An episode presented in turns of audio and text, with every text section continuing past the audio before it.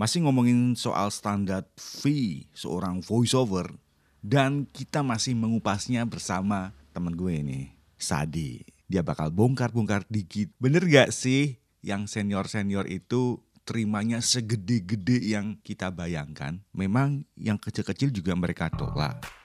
Ingat, situasinya seperti sekarang ini. Gimana, Sat?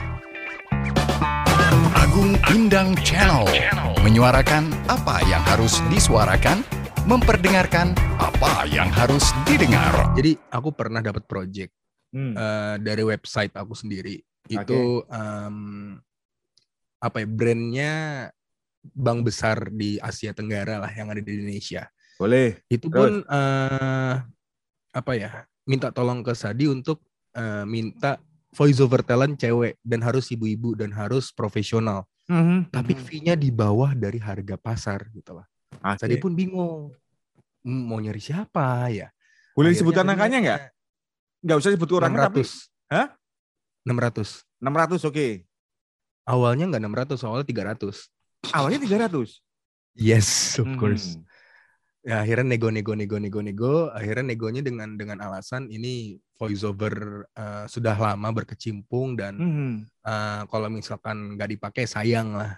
Hmm. Bahkan kalau misalkan dipakai itu akan menaikkan branding kalian bilang kayak gitu dan mereka pun setuju dengan angka sekian walaupun masih Oke. di bawah angka pasaran gitu. Oke. Eh, beliau pun juga bilang sebenarnya nggak apa-apa sih kalau misalkan di bawah harga pasar, tapi setidaknya kita punya standarisasi untuk bagaimana caranya pembayaran atau segala macam. Akhirnya ya eh, ngobrol-ngobrol-ngobrol dengan ibunya sendiri, dengan agensinya sendiri, eh, kesepakatannya adalah 600 ribu dibayar di awal dan itu Oke. pun berjalan dengan lancar sampai sekarang gitu om. mhm. Bahkan repeat order lagi. Nah, itu yang aku mau bilang. Sekarang gini, loh, saya nggak menyalahkan siapa yang terima 600, tapi kira-kira masih banyak nggak? Bagaimana perjuangan orang yang di kelas kentang ini, kalau di kelas yang mulia saja, dia mengambil, dia bisa terima yang di bawah gitu loh. Paham nggak? Sebenarnya ya Paham, paham. paham? Lalu bagaimana dengan status yang kentang-kentang ini gitu loh? Dia mau jualan berapa lagi gitu? Kalau kita bicara masa standar loh, harusnya kalau bicara standar nggak diterima dong, karena bukan levelku kan begitu. Ketika kita, karena gini om, Eh, sorry to say, Hmm. di yang kentang ini dia merasa bahwa ilmunya mereka sudah cukup gitu loh. Ketika mereka mena- apa ya menerima job dan segala macam, wah ini tuh bukan pasaran gua. Ini gua harus buat di atas lebih. Bahkan ya kita nggak usah munafik lah. Kadang pun kita kalau melihat misalkan udah banyak pengalaman, udah banyak portofolio melihat yang kayak gitu ngerasa kayak ini bukan pasar gue nih. Kalau lu mau naikin, kalau enggak ya udah jangan dikasih ke orang lain. Harga lu nggak pasaran gitu lah.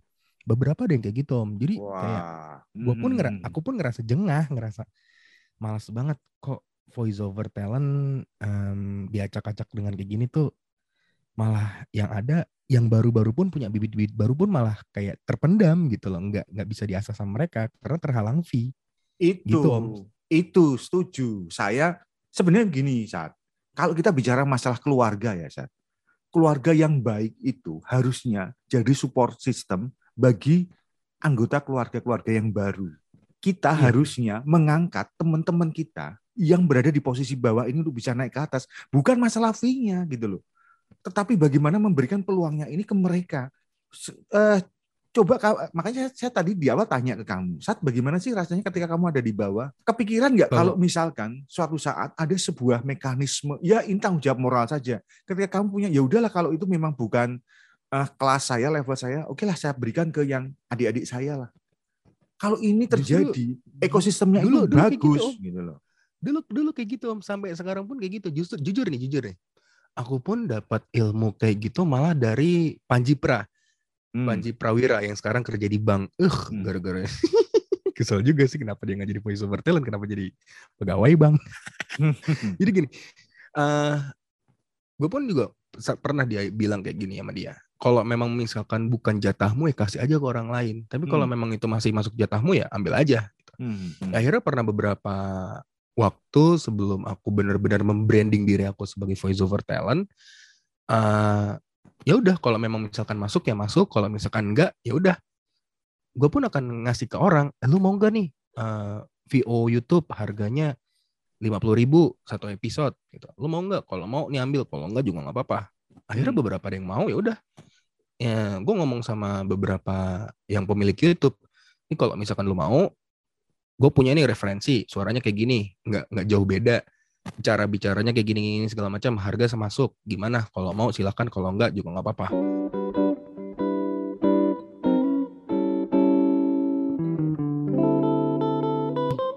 Peristiwa 50 ribu itu itu udah pernah loh saat muncul dan kemudian jadi ramil jadi berisik loh sampai dikomenin senior itu kan Om Kiflan itu kan. Saya setuju dengan orang mengatakan kalau kamu masuk terima ambil. Kalau nggak mau udah diem jangan nggak usah menjudge yang lain. Itu tidak itu yang saya sepakat gitu loh. Tapi ada Mungkin. orang yang tapi ada orang yang kemudian gini bicaranya begini. Nah kalau segiu diterima ya rusaklah yang di sini. Loh kenapa rusak? Itu makanya saya bilang kopi yang ada di mall itu nggak pernah khawatir dengan kopi saset gitu loh. Semua punya penikmatnya masing-masing gitu loh. Gimana kita mau Karena... mencas sampai ratusan ribu sementara mereka YouTube-nya saja belum ada yang memonetize misalnya. Karena mungkin gini kali Om, uh, saya nggak munafik. Kadang beberapa workshop atau beberapa kelas pun uh, mereka bilang jagalah ekosistem voiceover, jagalah ekosistem dari industri ini bla bla segala macam. Nah, beberapa orang yang berpandangan akan menjaga itu, mereka punya dua sisi. Sisi yang pertama akan mengedukasi secara baik-baik, yang sisi kedua akan mengedukasi secara barbar. Nah, yang baik-baik ini kita masih masih anggap malum karena ya masih ter apa ya, masih dengan komunikasi yang baik. Oh, bolehlah dengan harga sekian, tapi next kita bisa naikin harga boleh kan? Ibaratnya kan kayak gitu teredukasi kan antara uh, si klien atau si PH atau segala macam. Nah, kalau yang barbar lagi ya, yang kayak kemarin, apa sih lu segala macam, itu harga lu nggak masuk, jangan jadi batu deh. Itu yang menjaga ekosistem dengan barbar. Yang salah yang barbarnya sebenarnya. Mau ngedukasi tersebut, ya boleh. Cuman edukasinya ya, yang kalau misalkan dibilang yang dari tiga, tiga kategori yang berhak untuk mengedukasi adalah yang yang mulia ini orang yang sudah senior atau berkecimpung dengan jam waktu atau jam tayangnya tuh lebih lebih dari profesional ibarat kata kayak gitu yang berhak untuk mengedukasi. Mereka-mereka ini yang berusaha untuk mengedukasi tapi salah jalan, Om. Nah, saya ngelihatnya gini nih, semenjak kemarin ada yang banyak uh, yang komentar apa ya? Menurut saya agak sedikit berlebihan. Setelah saya lihat portofolionya, ya ternyata cuman segini aja kamu gitu. Artinya, Masih di bawah gue. iya artinya kamu juga belum proyekmu juga belum banyak gitu portofoliomu ya eh ternyata ya udahlah mungkin memang kamu biar tampil memang zaman sekarang kali ya harus kelihatan galak di sosial media ketimbang ketimbang nunjukin karya maksudku ya udah kalau memang tapi mau justru itu. yang kayak gitu om sorry gue potong yang hmm. kayak gitu justru buat produs produser males loh om untuk nah, handle mereka itu yang kemarin gini gini saat ada yang komen gini saat Buat mereka bikin sendiri biar mereka ngerasain gimana susahnya. Eh, sebelum kamu lahir, itu orang-orang di agensi udah ngelakuin yang kamu lakukan sekarang gitu loh. Bahkan mereka lebih sulit gitu loh.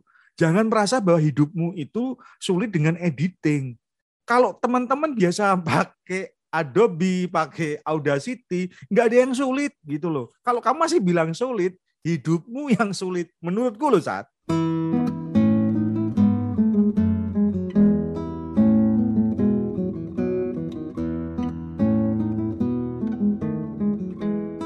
mereka belum pakai piringan om nah makanya makanya saya bayangkan saat kalau itu dibaca sama buyer yang ada di sana rusak nggak ekosistem eh ternyata komunitas voiceover isinya manusia-manusia kayak gini gitu loh yang Jujur. kan nggak bisa kamu kan nggak profesional saat jadinya kalau kamu cuma ngomong iya. cuman kamu ngomong kerjain aja sendiri kamu nggak tahu susahnya eh lo kita tuh dibayar karena Ya karena kamu mesti profesional gitu Itu makanya bilang kalau harganya cocok kamu terima, kalau enggak kamu jangan berisik gitu loh. Jangan kamu apa? Jangan kamu kecengin yang yang masih mau terima receh-receh. Ini wong mereka masih mau komitmen ya biar aja gitu loh. Itu yang mereka masih survive mereka masih betul, mau betul. untuk uh, nambah porto ya wajar sebenarnya. Bahkan kemarin pun Sadi pun nggak munafik ya Om ya. Hmm. Ketika dari masalah itu Sadi pun uh, melakukan kayak semacam diskusi sama Om Arman sama hmm. Mbak Yulena yang udah senior-senior mereka pun PD atau pengarah dialog dari audiobook. Mereka pun hmm. Terang-terangan ngomong bahwa ah orang kayak gitu mah nggak akan dipakai sama produser saat jangankan produser owner dari studio aja nggak akan pernah pakai Sadi pun bingung, lah kenapa nggak dipakai? Lah itu aja udah ketahuan sebarbar itu kalau misalkan contoh lah nanti pembayaran macet dua bulan atau tiga bulan karena Nah. memang dari kliennya macet, Nah, ya nah. mereka kan ngomong-ngomong, at- ya pasti nggak akan dianggap lah.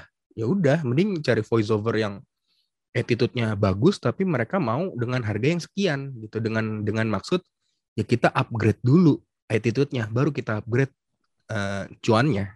Lebih baik seperti itu.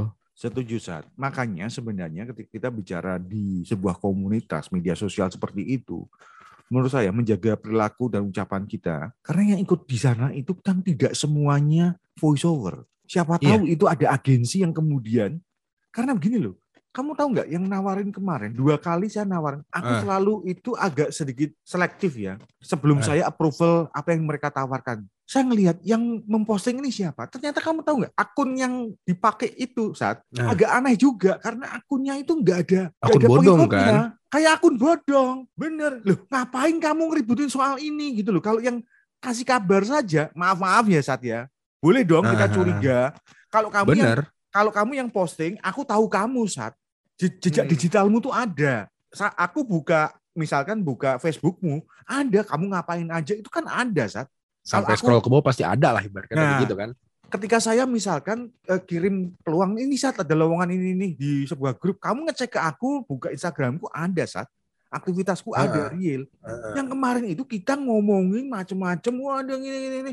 Padahal saat itu aku buka saat orangnya itu ini aku agak aneh gitu loh. Sampai jumpa di Agung Pindang Channel episode berikutnya. Agung Pindang Channel.